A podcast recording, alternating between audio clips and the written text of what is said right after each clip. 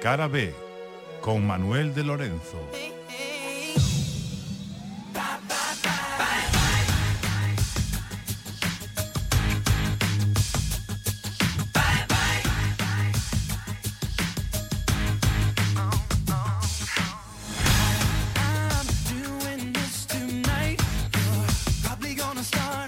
Moi boas, que tal? Isto que soa de fondo é NSYNC, unha boy band estadounidense que tivo un gran éxito comercial a finais dos anos 90 e comezos dos anos 2000, seguro que vos lembrades. O seu proceso de formación foi o habitual nestes casos.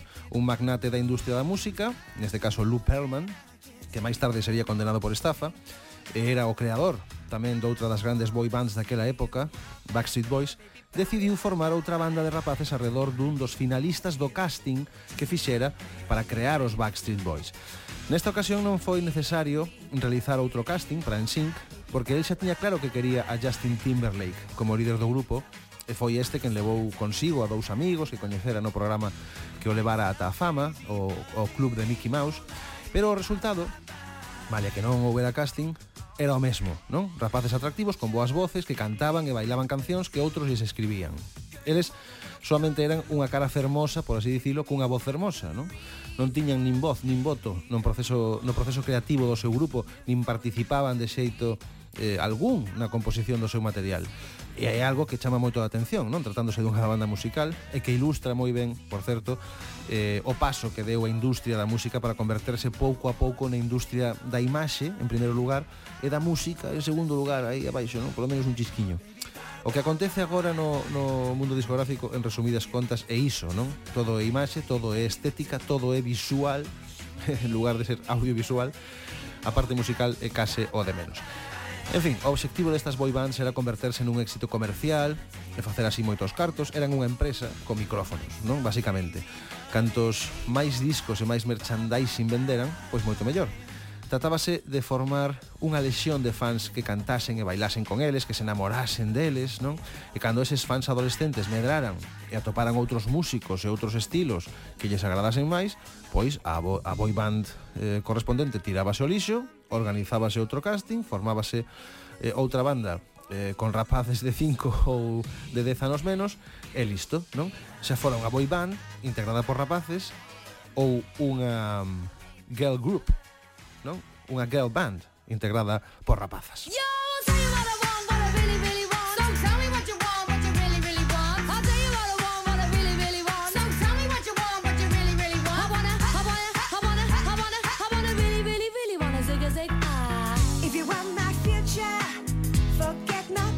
Esta era a regla xeral para estas boy bands por non dicir que era a regra pola que se rexían todas elas. New Kids on the Block, Five, Sugar Babes, All Saints, todas. Salvo unha. Hai unha gran excepción no que se refire á formación dunha das máis grandes boy bands de todos os tempos, pero sobre todo no que se refire ao seu proceso creativo. Hm? Estou a falar dos británicos Take That, con Robbie Williams, Mark Owen, Gary Barlow, Jason Orange e Howard Donalds E que é iso que marca a diferenza no que respecta a este grupo e que o distingue dos demais? Pois, ademais de que a súa formación tivo lugar alrededor dun rapaz que, ademais de cantar, escribía as súas propias cancións, de tal xeito que se trataba de darlle eh, un grupo a ese mozo, a gran diferenza é que Teidat, ao longo da súa historia, non foron os rapaces que cantaban e bailaban cancións de outros para convertelas en superéxitos, senón que cantaban e bailaban as súas propias cancións. Eh? Eses rapaces non eran soamente marionetas, senón auténticos compositores de grandes cancións de pop que en moitos casos contiñan ademais magníficas letras. Por iso o programa de hoxe está dedicado á banda de rapaces que constituiu un oasis, unha excepción no mundo das boy bands e dos girl groups, O programa de hoxe está dedicado a cinco mozos que conseguiron bater case todos os récords no mundo da industria musical presentándose como unha boy band típica pero que non o eran, porque os seus mecanismos de composición de cancións e os seus procesos creativos eran igual de elaborados e de complexos que os de calquera outra banda de rock, de soul ou de R&B ou do, ou do que querades, non? O programa de hoxe está dedicado, polo tanto, a Take That, que para min teñen ese punto, ese matiz que os diferencia dos demais. Así que comezamos xa, que hoxe quero poñer canta máis música deles mellor. Eu son Manuel de Lorenzo e aquí arrinca Cara B.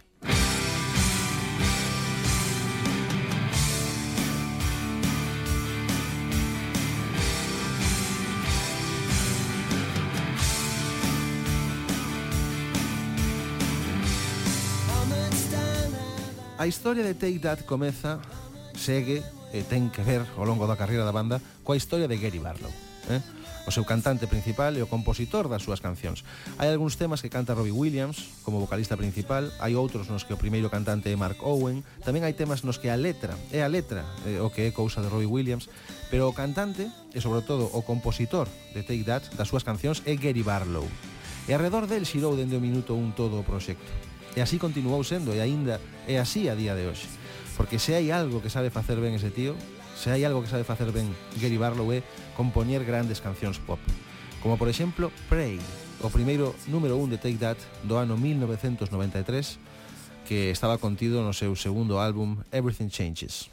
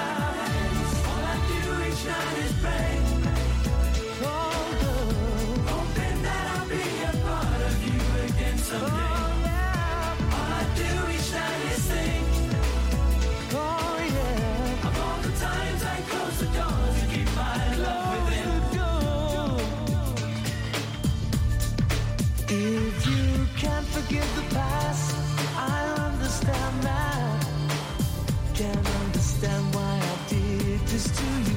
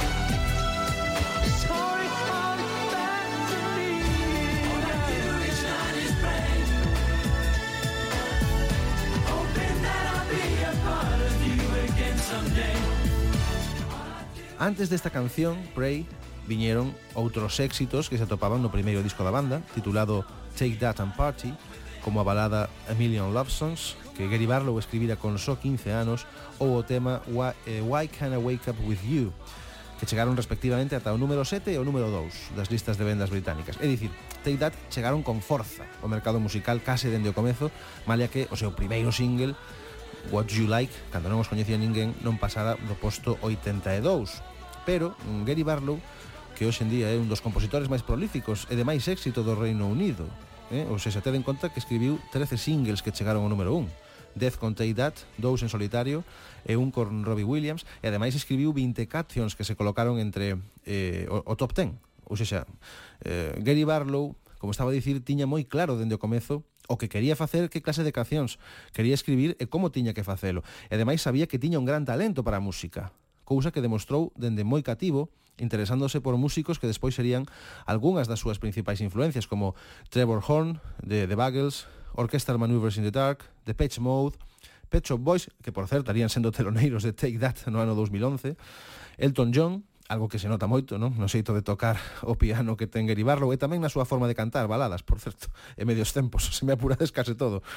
E por suposto George Michael, non, que está moi presente eh, en Take That en canto o estilo nos primeiros segundo número un da banda despois de Prey e que se contén no mesmo álbum.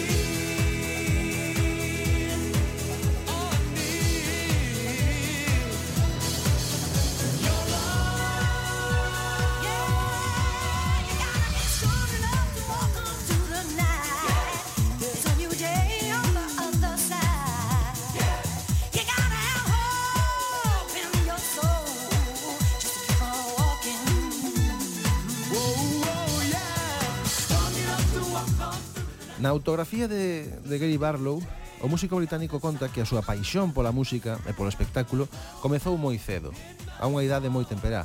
Descríbese a si sí mesmo no libro como un deses nenos que sempre baila fronte ao televisor mirando o seu reflexo. Non? Gustáballe, gustáballe imaginarse eh, do outro lado, en riba do escenario. Barlow cita no libro eh, como viu unha interpretación de Just Can't Get Enough de The Page Mode en Top of the Pops, no programa Top of the Pops, cando tiña 10 anos, e menciona iso como unha influencia principal, non? Describíndoa como hipnótica e fascinante e sinalando que aí comezou o seu amor polas cancións. Despois diso, pediulle un teclado a Papá Noel polo Nadal e como sería o seu interese polo instrumento que pasou a maior parte do seu tempo libre, sendo aínda un cativo, aprendendo a tocar esas cancións, non as súas cancións favoritas. Pouco despois, en 1986, aínda tiña 15 anos, pois ou seja, aquí aínda tiña 15 anos, Participou nun concurso de cancións na BBC, un concurso de panxoliñas chamado Pebble Mill, eh, Pebble Mill at, at Once. Chegou ata semifinais e debido a ese éxito foi convidado aos estudos perdón, aos estudios de grabación West Heath de Londres para gravar a súa canción. Isto inspirou no dun xeito definitivo para dedicarse a, a facer cancións e actuar, non? Ata o punto de que comezou a, a dar concertos no, no circuito de clubs do norte de Inglaterra con 15 anos, cantando versións e tamén as súas propias cancións. Algo que aproveitou para pulir e para desenvolver ese talento seu como compositor e que se nota nos primeiros temas de Take That que teñen un carácter claramente profesional malia a curta idade de Gary Barlow cando os compuxo. Show!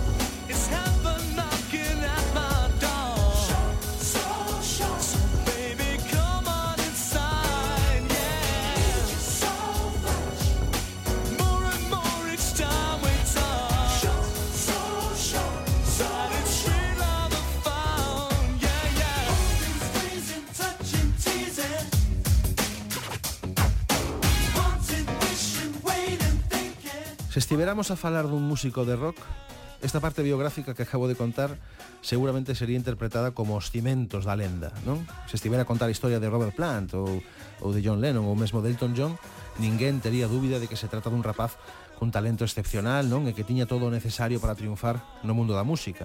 Pero claro, a imaxe de Gary Barlow é outra, non? É apreciada de outro xeito polo gran público porque dende o comezo o coñecemos como parte dunha boy band, non? Como se solamente fora unha voz agradable que canta cancións alleas para facer caixa. O que non se adoita contar é que Take That foi un proxecto prácticamente creado alrededor del, mm, alrededor de Gary Barlow e do seu talento como compositor e cantante. No ano 1989, cando acababa de cumprir a maioría de idade, Gary Barlow contratou como manager o axente do mundo do espectáculo Barry Bully e grabou un single, Love is in the Air, que nunca foi lanzado comercialmente. Pouco despois, Barlow puxos en contacto co axente Nigel Martin Smith, recomendado polo afamado fotógrafo de celebridades Doc Braham, que foi quen tomou as primeiras fotografías profesionais de Barlow. Entón, este axente Nigel Martin Smith estaba interesado en formar unha boy band e decidiu usar, utilizar a Gary Barlow como cantante principal despois de quedar impresionado polas súas cancións, escritas por el mesmo, chegando á conclusión de que o grupo eh, debíase eh, construir o redor desa voz, e o redor desas habilidades compositivas que tiña Gary, non? E todo despois de escoitar unha maqueta súa, eh, cos temas que escribira ata o momento, e non me extraña, sinceramente, porque o tipo era capaz de compoñer baladas épicas de pop como esta.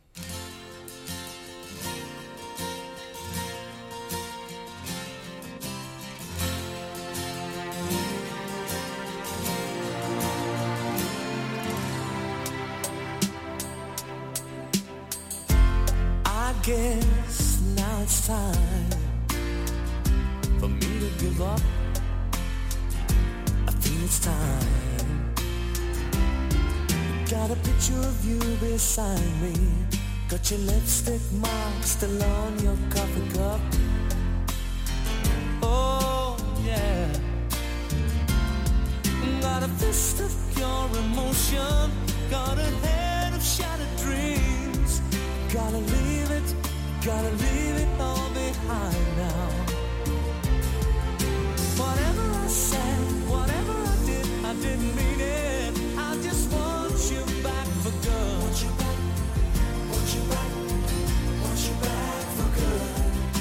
Whenever I'm wrong, just turn in a song and I'll sing it. You'll be right and understood. Want you back, want you back, I want you back for good unaware but underlined.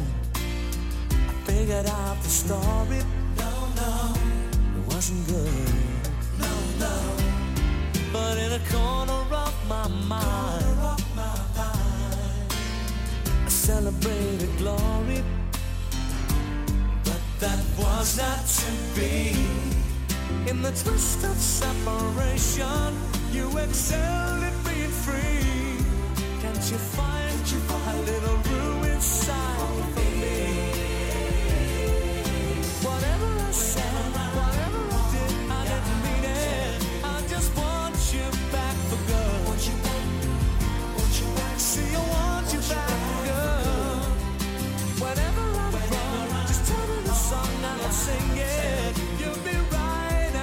sister. I want you back.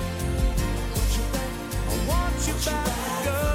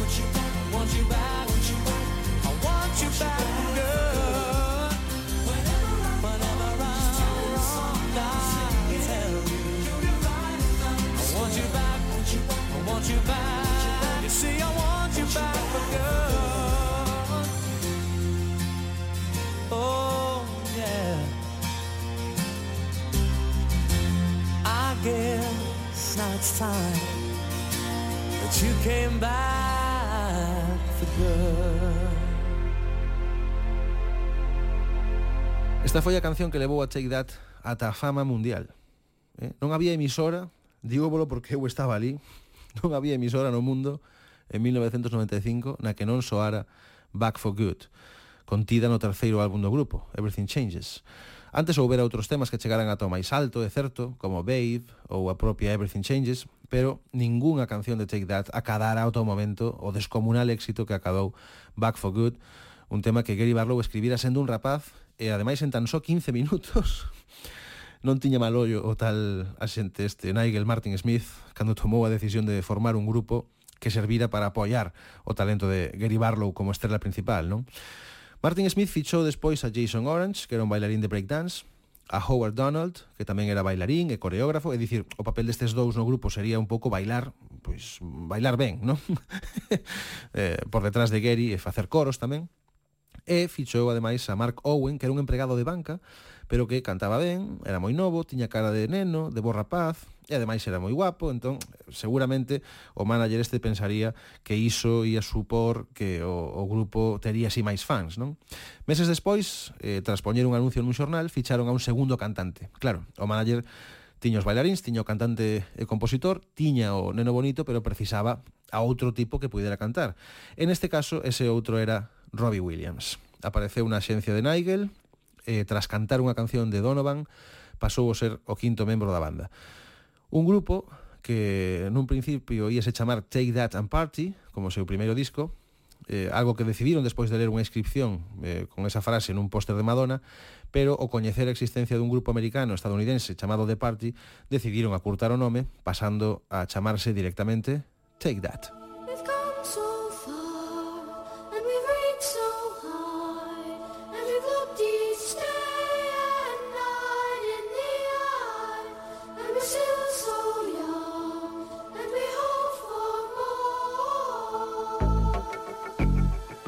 Come a long way, but we're not too sure where we've been. We've had success, we've had good times, but remember this. Being on this path of life for so long, we'll have walked a thousand miles. Sometimes stroll hand in hand with love. Everybody's been there. With danger on my mind, I would stand on the line of. And I knew I could make it. Once I knew the boundaries, I looked into the clouds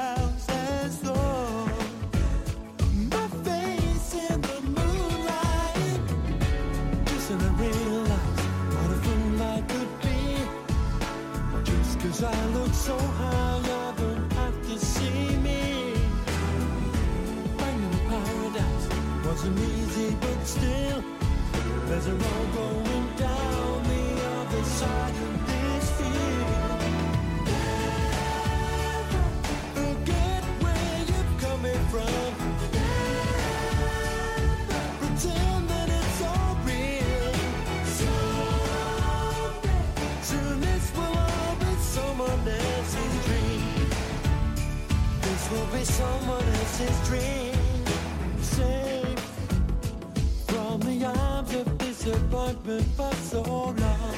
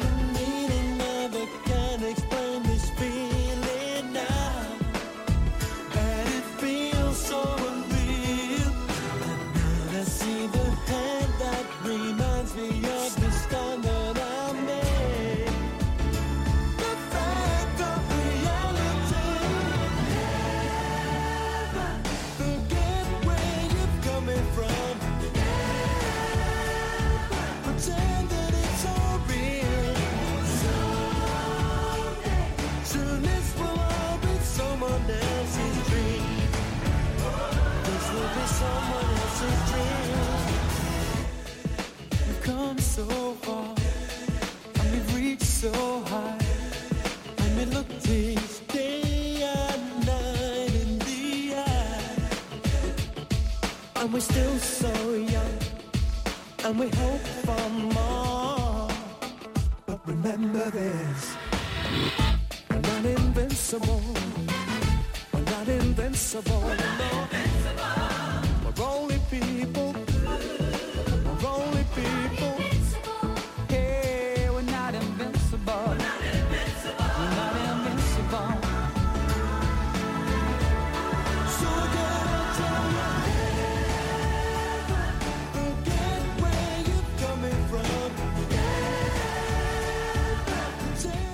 fin, sobre o éxito do grupo penso que non se pode dicir moito que non se saiba xa non? Todas as cancións que veñen soando ata o momento no programa foron indiscutibles números un xunto con outras, claro, e a súa fama e o seu éxito chegaron a todas partes do planeta. Eu penso que iso resume todo, non? Sen embargo, a relación con Robbie Williams, o máis novo de todos eles e tamén o máis rebelde, comezou a deteriorarse. En parte porque non lle deixaban cantar as suficientes cancións, dicía el, en parte porque consideraba que tiñan que ser un pouco máis agresivos, naquela época onde nas listas de vendas tamén triunfaban Oasis e Blur, en parte porque consideraba os temas de Gary Barlow demasiado edulcorados, e en parte porque era un pouco outsider, o, o, o rapaz gustaballe demasiado a festa, en esa época ademais estaba sumido nun consumo exaxerado de drogas e de alcohol. Así que Despois do single Never Forget, que é o que acabamos de escoitar agora mesmo, Robbie Williams tomou a decisión de abandonar o grupo para iniciar unha carreira en solitario. Deixaba a Take That Os seus compañeiros víronse entón na situación de ter que decidir se continuaban sen el ou se se separaban e finalmente optaron por separarse. ¿Mm? Gravaron un single cunha versión de How Deep Is Your Love dos Bee Gees, que foi número un tamén, eh, e emitiron un comunicado que dicía o seguinte: Desafortunadamente, os rumores son certos. How Deep Is Your Love vai ser o noso derradeiro single xuntos e Greatest Hits será o noso derradeiro álbum. E polo de agora non hai máis. Mm.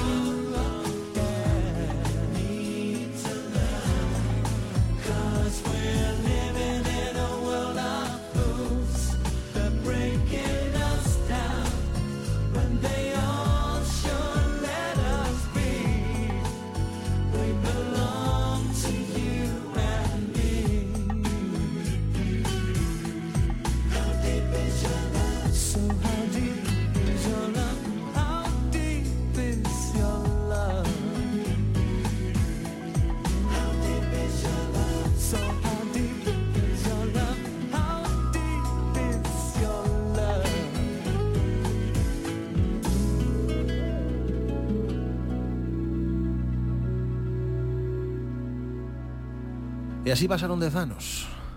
É certo que o comunicado, o comunicado que escribira e que comentara Gary Barlow, falaba dun derradeiro single ou dun derradeiro álbum, pero non foi así, ou polo menos non para sempre.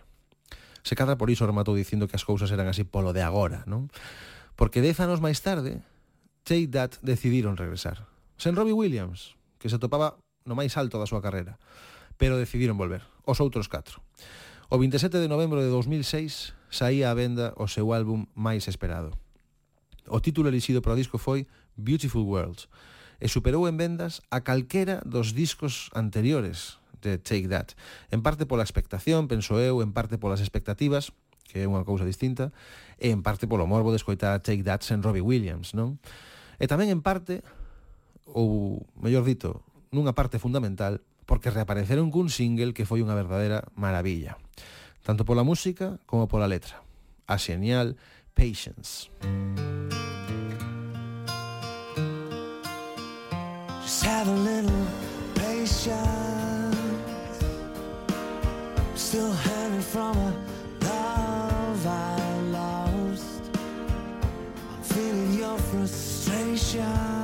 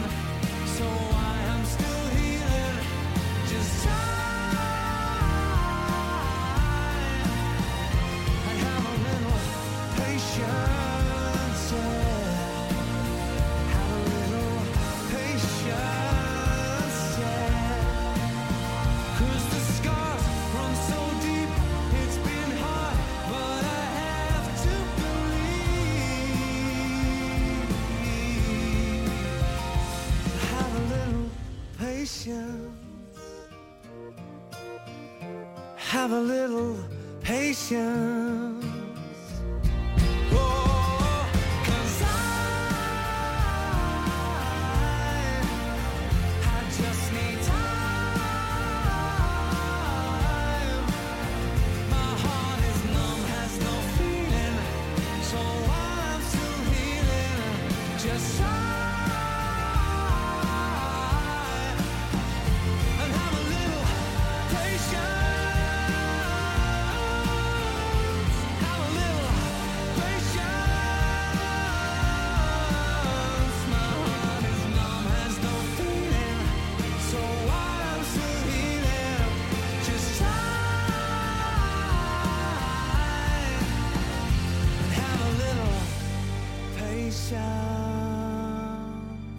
O disco foi un éxito inconmensurable, como vos podedes imaginar, o disco do seu regreso batendo todos os récords de vendas no primeiro día nas tendas de discos, e os catro rapaces decidiron que, en fin, se, se ese era o éxito, pois continuaban con Take That, que aquilo non ia ser flor dun día. Así que se encerraron no estudio de grabación coas cancións de Gary Barlow e regresaron dous anos máis tarde, en 2008, con The Circus, o seu seguinte disco. Pero antes de chegar aí, gustaríame que escoitarades esta outra canción contida en Beautiful World, eh, o segundo single despois de Patience, xa que é un temazo, un temazo, eh, interpretado ademais por Mark Owen e non por eh, Gary Barlow e que a min parece unha, unha xoia. Chámase Shine.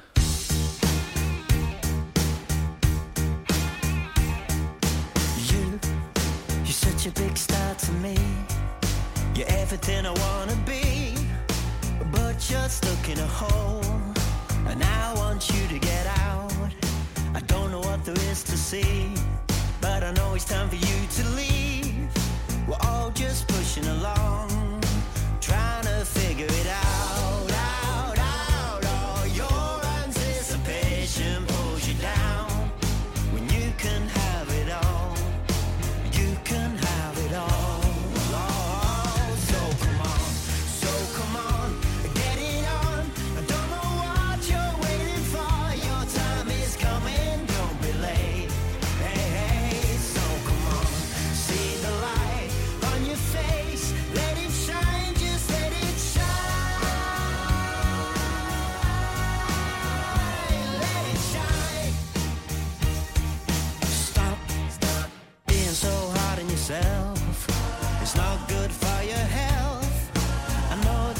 can change. So clear your head and come round. You only have to open your eyes. You might just get a big surprise. And it may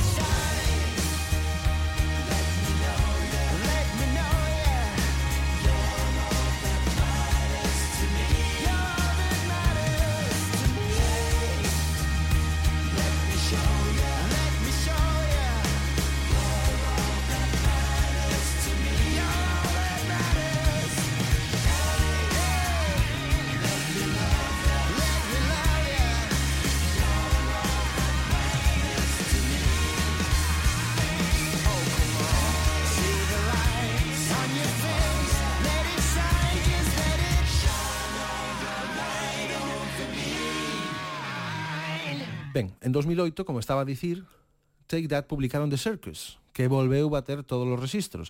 Ademais, eh, durante o verán de 2009, realizaron a súa xira máis ambiciosa, gravouse un DVD no, no Wembley Stadium de Londres, asistiron máis de 80.000 persoas, a xira inspirouse un pouco no mundo do circo, no mundo circense, con referencias ao Circo do Sol, os espectáculos tradicionais de circo, Eh, con esta xira a banda entrou no, no libro Guinness dos Récords en 2010 porque eh, o motivo foi que venderon en, é a banda que vendeu en menos tempo todas as entradas para unha xira no Reino Unido. Estou a falar de 650.000 entradas que foron vendidas en menos de 5 horas, ¿m? o día 31 de outubro de 2008.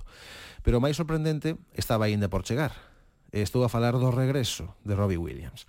Imos agora con iso, pero antes eh, quero que escoitedes un dos singles eh, deste álbum, outro número un, que na miña opinión ten reminiscencias a, a Coldplay. Non sei vos eh, que pensades. Chámase Greatest Day e de novo é Gary Barlow facendo cancións inesquecibles, non? Unha vez máis. Música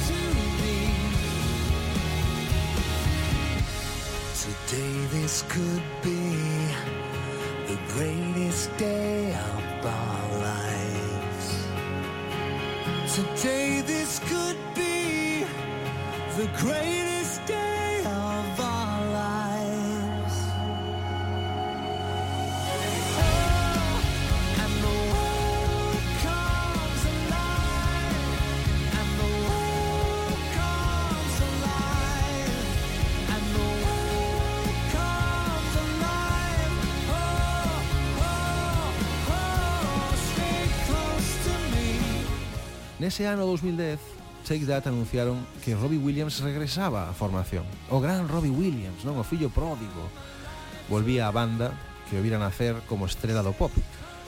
O disco que gravaron xuntos chamouse Progress e para sorpresa de todos, o single o que estrearon este álbum, titulado este single The Flood, non chegou esta vez ao número 1, senón que se quedou no número 2.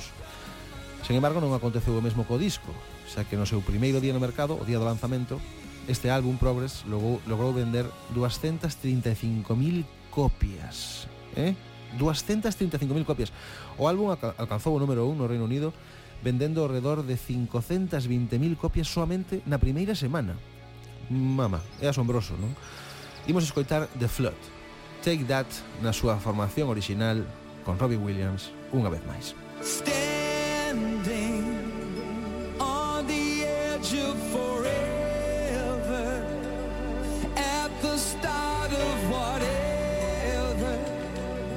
shout.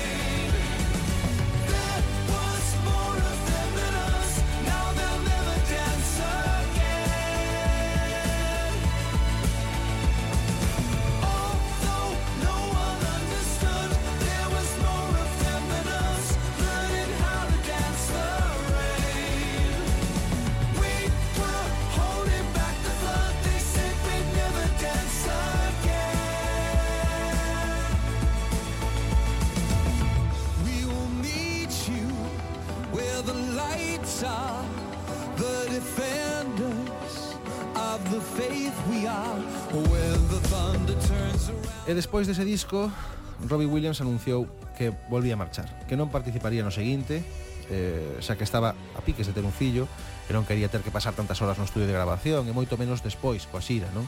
Participaría en eventos concretos, iso sí, actuaría cos seus compañeiros, pero non sería parte activa de Take That. E para sorpresa de todos, Jason Orange anunciou que el tamén deixaba a banda, que non tiña ningún problema persoal cos seus compañeiros, pero que sentira que xa non quería seguir facendo iso nunca máis e marchou. Gary Barlow, Mark Owen e Howard Donald, os tres que quedaban, emitiron un comunicado que dicía Este é un día triste para nós, a marcha de Jason é unha gran perda, tanto a nivel profesional como aínda máis a nivel persoal, a enerxía e a fe de Jason en canto que esta banda podría lograr converterona no que é hoxe e sempre estaremos agradecidos polo seu entusiasmo, a súa dedicación e a súa inspiración durante tantos anos. Robbie Williams publicou tamén un tweet que dicía Señor Orange, ata que cabalguemos xuntos de novo moito amor, irmán. E Take pasou de ser un quinteto de novo a ser un trío. E ata hoxe. Oh, I can see the future coming to you Cry away the sadness in your eyes And I can find a faith in days I've wasted Been around enough to feel alive And when the world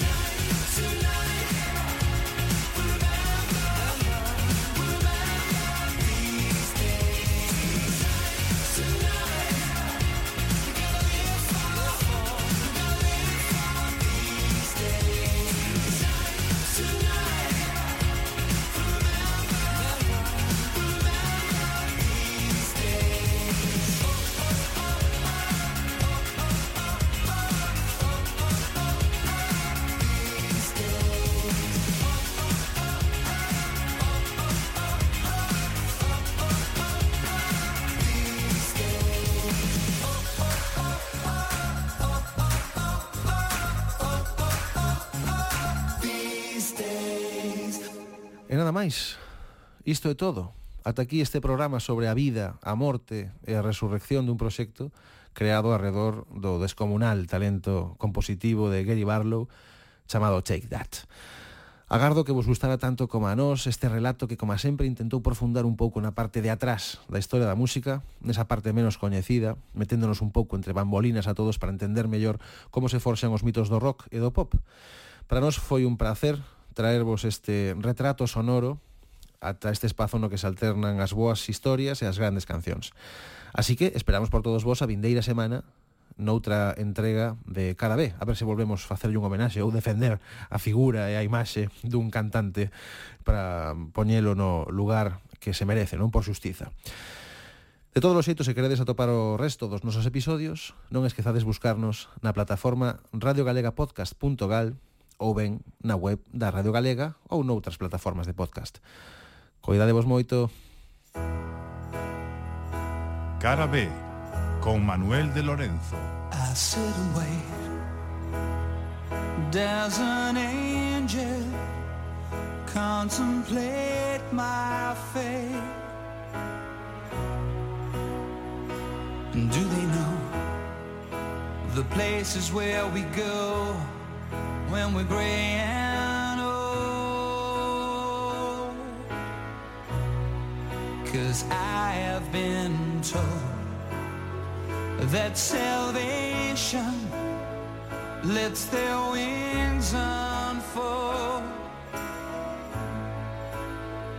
So when I'm lying in my bed, thoughts running through my head, and I feel that love is dead, I'm loving angels instead. And through it,